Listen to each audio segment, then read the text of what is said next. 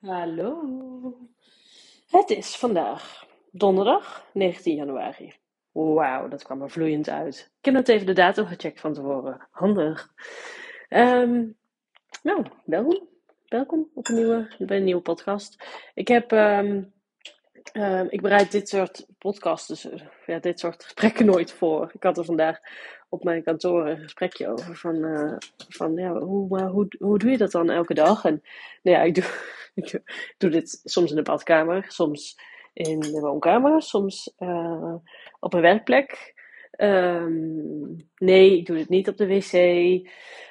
Um, maar uh, ja, nee, ik gebruik ook niks professioneels. Nou ja, als je al een paar podcasts hebt geluisterd, dan weet je ook wel dat het geluid niet altijd super is. En dat je soms bijgeluid hoort. Maar daar gaat het niet om.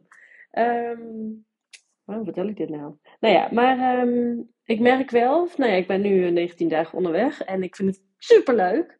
Ik vind het super fijn om te doen. En uh, het brengt me echt wat ik, wat ik hoopte dat het me zou brengen. En dus ik ga ook zeker door. Ik heb nog, uh, nog nul redenen gezien om te stoppen. Het enige wat ik wel um, langzaam zeker meer zou willen doen, is niet in de avond opnemen, maar soms ook in de ochtend. Ik heb nu bijvoorbeeld ook, um, nou, wat ik dadelijk ga delen, ik, dat, dat, ja, is gewoon, soms is het wel handig als ik bepaalde inzichten heb, om het even, net even een paar dingen in een notitie te zetten of zo, zodat ik het een beetje gestructureerd kan uitleggen. Dat is wel fijn. dan begrijp je het misschien ook. Um, maar dan merk ik ook van ja, dat is nou niet zo handig als dat uh, laat in de avond is en dat ik al een beetje moe ben.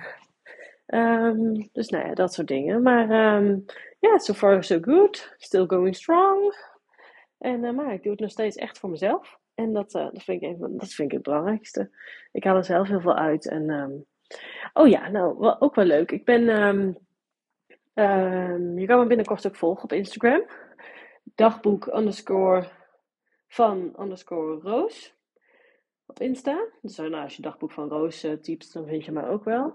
En um, ja, omdat jij een uh, insider bent, uh, weet je het al. Maar daarop ga ik vanaf, even volgende week, vanaf volgende week donderdag ga ik elke, tenminste wat nu mijn plan is, is om elke week een weekoverzicht te delen met de verschillende titels van de verschillende podcasts die ik heb, uh, die week heb opgenomen. Dus dat doe ik elke maandag.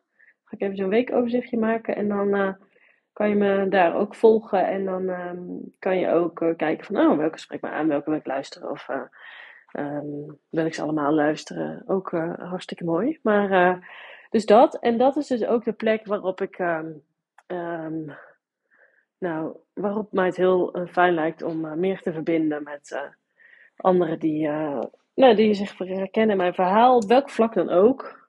Misschien niet in de basis van mijn ontdekkingsreis, maar wel op bepaalde herken je wel in bepaalde podcasts. En uh, ja, die verbinding vind ik, die vind ik gewoon super tof. Omdat we daar elkaar mee kunnen helpen. En, dus dat. Um, ik had vandaag een, een topdag. Ik was productief. En dan merk ik dus ook, als ik dus meer...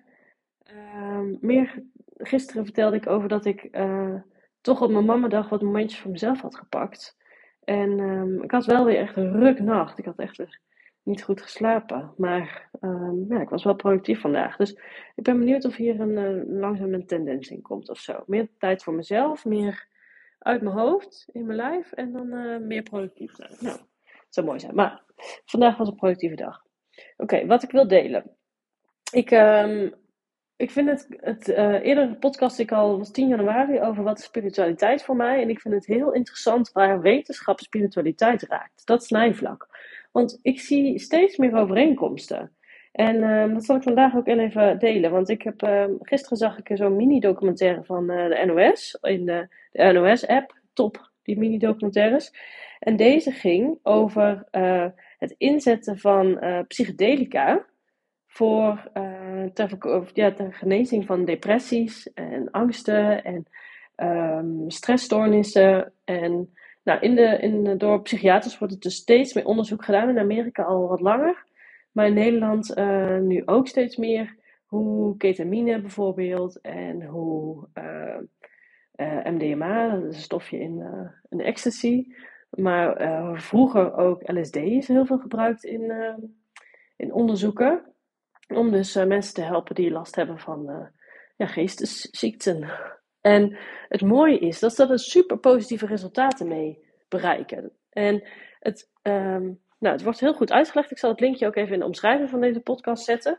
Maar um, psychedelica, die zorgen er dus voor dat, um, dat je nieuwe verbindingen kunt leggen in je brein. Dat zien ze echt letterlijk op scans, dat er dus uh, veel meer verbindingen ontstaan. En uh, wat er dus ook gebeurt, als je bijvoorbeeld uh, nou, een zwaar trauma hebt, hebt ervaren, daar had ik ook eerder iets over opgenomen, dat het trauma zelf niet zozeer het issue is. Alleen de emotie die veroorzaakt is door dat trauma, dat die het probleem vaak vormt.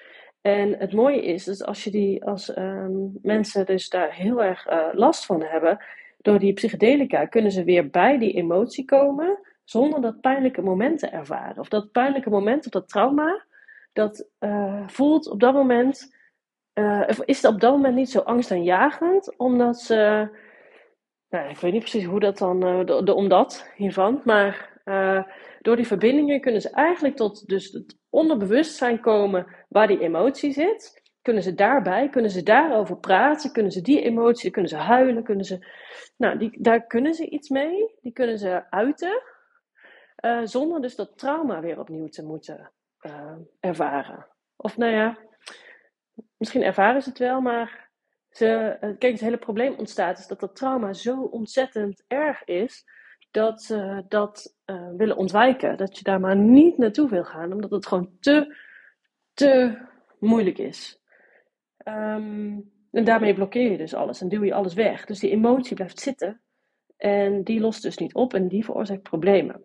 Nou, en het mooie is, alles wat ik nu tegenkom in de spirituele wereld, uh, bijvoorbeeld uh, het werken met een biotensor. Als je, het, als je nooit van hebt gehoord, dan moet je het maar even googelen. Maar ook met een biotensor kan je uh, van dat soort blokkades kan je weghalen. Um, wat ik heb gedaan met Creatrix is eigenlijk ook naar je onderbewustzijn en zo'n blokkade weghalen door um, ja, eigenlijk ook het, het trauma. Kijk, trauma kan. Uh, het hoeft geen trauma te zijn, maar ja, door de, door eigenlijk het, het, het, issue te omzeilen en naar die emotie te kunnen. En die, die, um, die te veranderen in je brein. Um, en wat ik ook, wat je ook doet bijvoorbeeld met, met ademwerk, is eigenlijk ook dat je die emoties die in je lichaam zitten, dat je die, um, ja, dat je die losmaakt. Dus er zijn in de spirituele wereld zijn er zoveel oplossingen om ook bij dat onderbewustzijn te komen. En ja, hoe is dat dan anders dan het wetenschappelijke onderzoek wat psychiaters doen met psychedelica? Dus nou, dat vind, ik, dat vind ik heel interessant. En ik vroeg me dan ook af van, stel je voor, er zijn nu echt enorme problemen, daar begint die documentaire ook mee. Stel je voor, of nee, het probleem is dat, dat er steeds meer mensen in depressie raken. Dat we steeds meer, uh, ja, dat er steeds meer uh, burn-out zijn. Dat heb je waarschijnlijk ook al gehoord in je omgeving. Um, dat, dat, ja, er komen steeds meer problemen. Wat als het nou ook een, ja, in die zin een oplossing zit in je meer verbinden met je gevoel? Gewoon in de basis al. Als we dit leren, um, zou dit niet een van de antwoorden kunnen zijn op minder, minder depressies, minder burn-outs? Ik denk van wel. Ja, volgens mij, dit is echt geen baanbrekende ontdekking die ik nu doe. Dat, uh, maar ik vind het gewoon fascinerend dat, uh, dat er zoveel qua spiritualiteit, dat er een label op zit, of dat dat, ja, dat, dat helemaal nieuw is of, of gek is voor sommige mensen.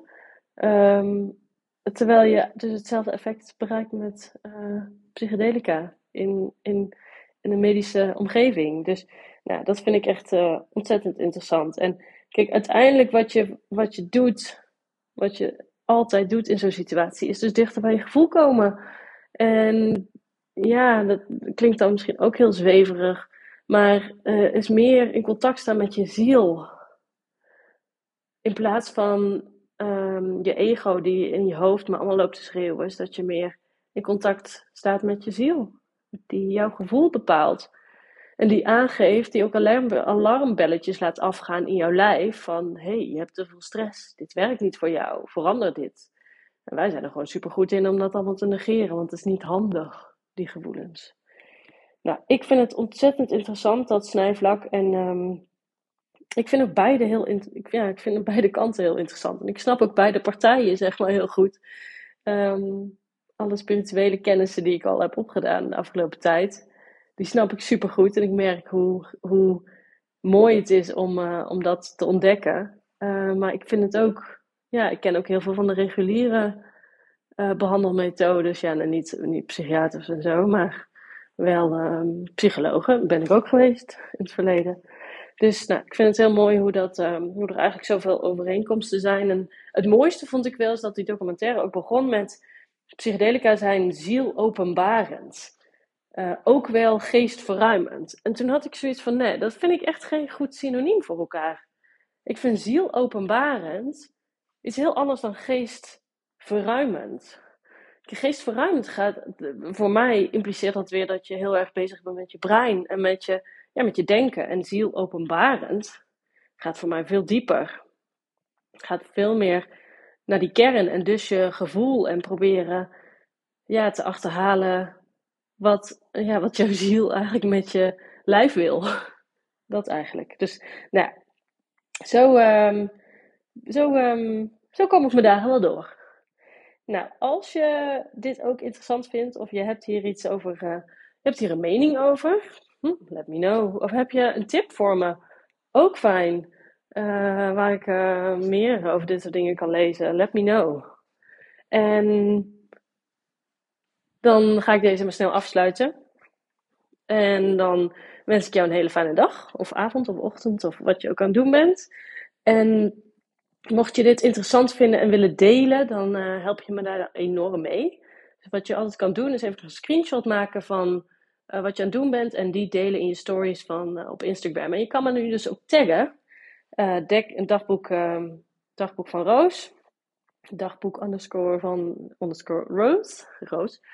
En um, dan ben ik je heel erg dankbaar. Tot snel!